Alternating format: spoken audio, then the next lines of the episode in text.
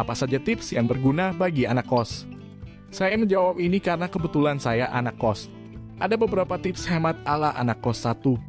Beli rice cooker mini untuk harga di bawah 150.000 sudah bisa kamu dapatkan dengan merek yang bagus.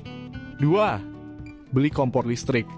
Saya sarankan merek Icok di marketplace harganya 185.000. 3.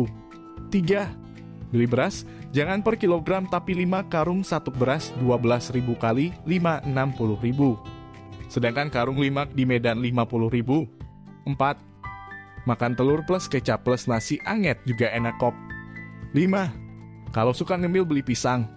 Satu sisil 14.000 biasa isinya 20 hana itu bisa bisa sekalian kamu akali untuk sarapan. Selain murah juga menyehatkan kan. Saran jangan beli terlalu tua resikonya cepat busuk. 6. Biasanya saya kalau untuk makan masak yang simple dan tahan seperti ikan teri.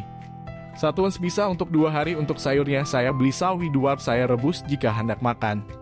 7. Untuk minum hindari air dalam kemasan.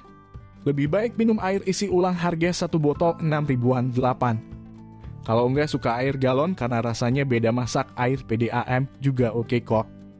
Walaupun boros gas atau listrik. 9. Kalau bepergian bawa minuman dari dari kos 10. Cuci pakaian sendiri. Kalau saya dalam keadaan apa pun cuci baju sendiri karena saya menanamkan lebih baik tidak bersih daripada laundry.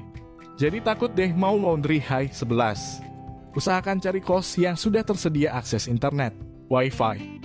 Walaupun kamu mengeluarkan 3050000 itu lebih baik daripada harus keluar mencari ke kafe. 12. Catat setiap pengeluaran dan menabunglah di awal waktu bukan di akhir. 13.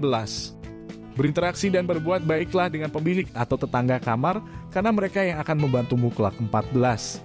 Hindari nongkrong setiap hari, maksimal seminggu sekali 15.